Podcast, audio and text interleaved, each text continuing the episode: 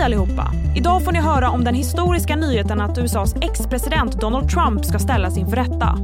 Vad handlar det hela om och innebär det här spiken i kistan för hans karriär? Vi frågar Expressens Mats Larsson och Viktor Malm. Vi ska också få några rykande färska streamingtips inför helgen och som vanligt de allra senaste rubrikerna. Du lyssnar på Läget, Expressens dagliga nyhetspodd med mig, Sally Sjöberg. Vi börjar med att berätta att en tonårspojke har knivskurits till döds i Älvsjö i södra Stockholm. Knivdådet inträffade igår på eftermiddagen och en jämnårig pojke är anhållen på sannolika skäl misstänkt för mord. Expressens reporter Thea Mossigen Norheim har varit på plats. Det var här i Älvsjö, nära pendeltågstationen söder om Stockholm, som en tonårspojke blev knivhuggen till döds här igår eftermiddag vid 16-tiden. Och enligt uppgifter till flera medier så var ju den mördade pojken på väg till skolbalen när det här hände och ska ha varit finklädd. Vi lämnar Älvsjö och riktar blickarna mot Ukraina där det kommer rapporter om hårda strider i södra delen av landet. Enligt tidningen The Guardian har striderna under torsdagen främst utspelat sig söder om Zaporizjzja och staden Tokmak. Striderna kommer efter gårdagens uppgifter om att den stora ukrainska motoffensiven inletts. Greta Thunberg har tagit studenten och därmed skolstrejkat för sista gången. Det skriver hon på Twitter. Hennes skolstrejk, som pågått ända sedan 2018 har inspirerat tusentals ungdomar världen över. Thunberg lyfter dock fram att hon kommer fortsätta protestera även om hon nu lämnar skolvärlden. Och nu ska vi dyka ner i en historisk nyhet som rör amerikansk politik. They can't stop because it's election interference at the highest level. There's never been anything like what's happened.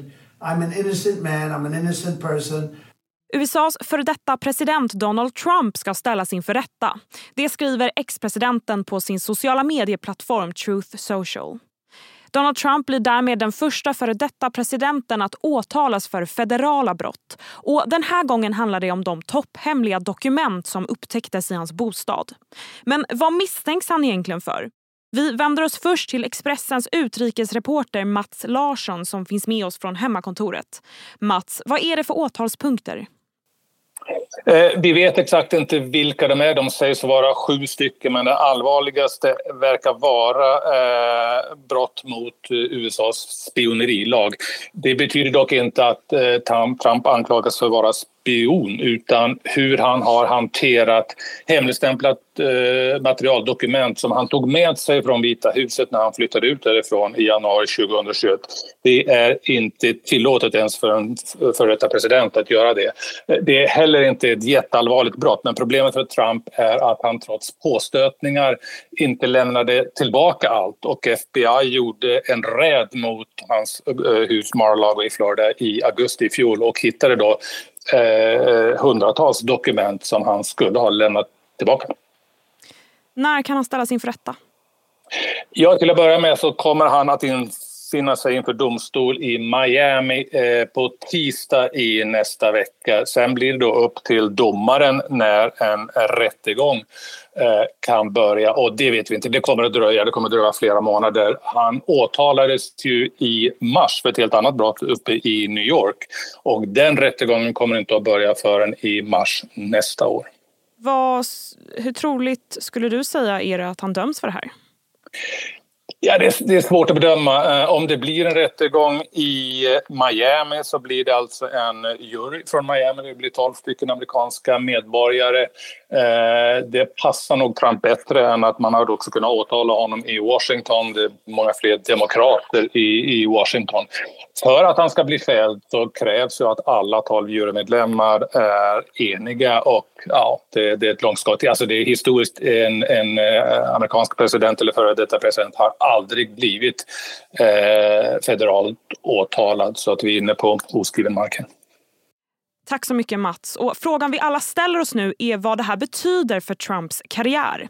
Därför har jag bett Expressens kulturchef Viktor Malm att komma till poddstudion här på redaktionen. Viktor, det är långt ifrån första gången vi har hört talas om rättsprocesser när det gäller Trump. Varför är just det här en så stor grej? Ja, men det är ju enormt uppseendeväckande att en före detta president nu ska ställas inför rätta eller eventuellt ställas inför rätta. Det har aldrig hänt förut. Inte på det här sättet, inte för de här grejerna. Och jag, jag kan nästan inte föreställa mig en större världspolitisk händelse. Men det finns också viss risk att det inte blir en så stor grej. Att vi ser en eventuell rättsprocess utspela sig och att detta inte har några som helst konsekvenser för ett val som närmar sig med stormfart. Det är en stor grej, men, men samtidigt så verkar det inte i sig påverka den amerikanska politiken, vilket är en så här skitkonstig diff. Man, man har svårt att begripa sig på det, för att om det hade hänt här, om Ulf Kristersson eller Magdalena Andersson hade stått åtalade för något snarlikt eller varit misstänkta för något snarlikt, det vill säga haft hemlighetsstämplade dokument i sina hus. Jag menar, jag tror regeringen hade avgått imorgon. Det går inte att tänka sig något annat. Men som du sa, de amerikanska väljarna verkar inte bry sig. Vad tror vi, hur ser det ut nu? Kan det här påverka väljarna? Jag tror inte det. Det finns ju ett konstigt mönster med att när, när Trump började bråka med Clinton inför att han valdes var det ju mycket för att hon hade använt sin privata mail för att informera om uppgifter som kom an på saker som var viktiga för staten. Och det var ju någonting som Trump gick väldigt hårt åt. Att man måste behandla säkerhetsstämplade uppgifter med, med finess och trygghet och intelligens, vilket han ansåg att hon inte hade gjort. Nu verkar det som att han själv har begått något snarlikt och det är en form av hyckleri som man föreställer sig skulle kunna göra väljare upprörda. Men samtidigt, nej vi har ju sett de här processerna pågå mot Trump nu ett tag. Och han har en utmanare i Floridas guvernör Ron DeSantis, men, men Trump är så mycket mer populär. Jag, jag, tror att hans popularitet handlar om helt andra grejer. Saker som de här sakerna inte rår på överhuvudtaget. Och vad ska vi säga då? Är det spiken i kistan för Trump eller är han helt enkelt odödlig? Jag tror han är odödlig. Eller han börjar komma till åren lite.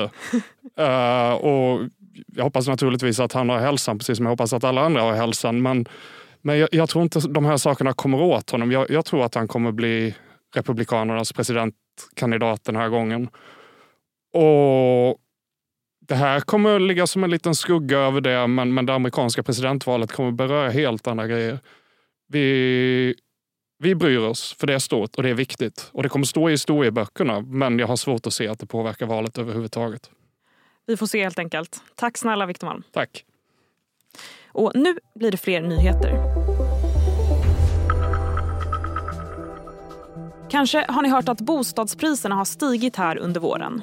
Och det fortsatte de att göra i maj. Det visar färska siffror från Svensk Mäklarstatistik. Det handlar om en enprocentig ökning för både bostadsrätter och villor i landet som helhet.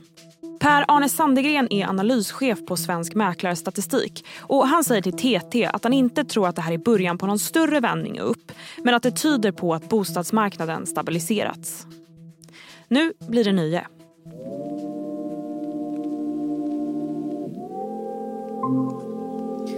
Hallå! Hej. Det är fredag och helgen är runt hörnet. Och jag vet inte vad ni brukar göra, men jag brukar i alla fall avverka minst en film eller serie. Därför har jag nu ringt upp Expressens tv-kritiker Mattias Bergqvist för att få tre rykande färska streamingtips. Hur mår du Mattias?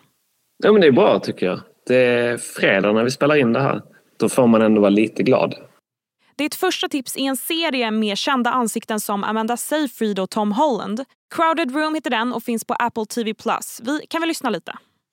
It never struck you as strange that this man just showed up to save you. Just figured I was lucky. Have you ever been lucky? No. Där hörde vi ett litet utdrag från trailern. Mattias, vad handlar det här om?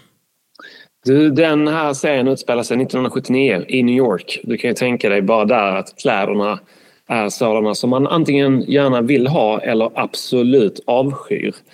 Eh, hela, hela första avsnittet börjar med att han och en tjej eh, är ute på stan i New York och eh, börjar av oklar anledning skjuta med en pistol. Eh, man får lite ledtrådar till vad som kan hända senare. Eh, och de resterande avsnitten är ofta så här i flashbackform när han eh, berättar sin historia så att säga. Eh, det finns många vändningar, många twistar. Men jag tycker att den här drivs av skådespeleriet. Eh, och det finns en härlig energi som gör att man blir engagerad i berättelsen.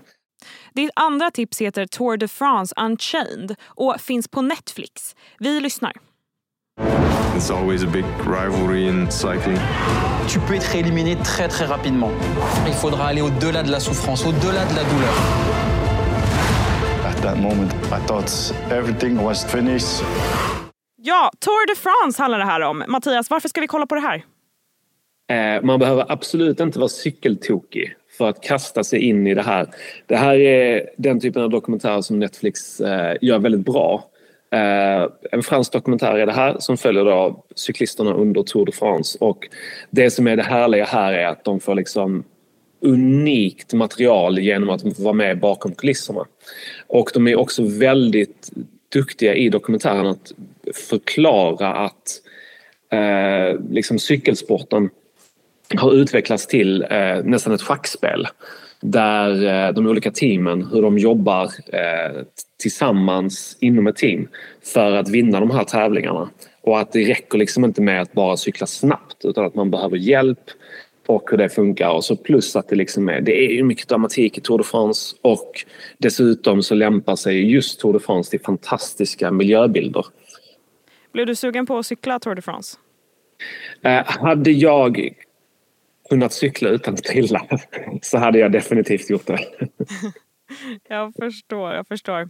Men eh, ditt tredje tips då, det är egentligen inget streamingtips men ett tips för de som kanske kan tänka sig att lämna soffan för att gå till bion. Eh, vi lyssnar. I'm not the chauffeur. I'm the grandfather. Where are you? Asteroid City, Farm Route 6, mile 75. Ja, vad, Wes Anderson var det här. Berätta. Ja, minsann. Asteroid City, hans nya film som går på bio 9 juni, fredagen. Eh, det är, så det är en ganska svag streaminghelg vad gäller premiärer. Eh, det är som vanligt mycket som har premiär men som också vanligt så är det ganska mycket som bara är skit. Eh, och då finns det ju anledning innan det blir för varmt eh, och innan man vill gå ut och bada istället så att faktiskt hoppa in och se Wes Andersons nya film. Eh, man kan tycka, eh, men då har man fel, att det här liksom är någonting plastigt, genomtänkt, eh, en estetik som är mer estetik än berättelse. Men bara man kommer förbi det där och hittar nycklarna in i den här berättelsen så är det som vanligt med Wes Anderson en film att ta med sig och tänka på. Ja, otroligt. Tack så jättemycket Mattias. Tack själv. Det var allt för den här veckan. Glöm inte att följa läget i din podcast-app och ladda även ner Expressens nyhetsapp så att du inte missar något viktigt. Vi hörs på måndag igen. Tack för att du har lyssnat.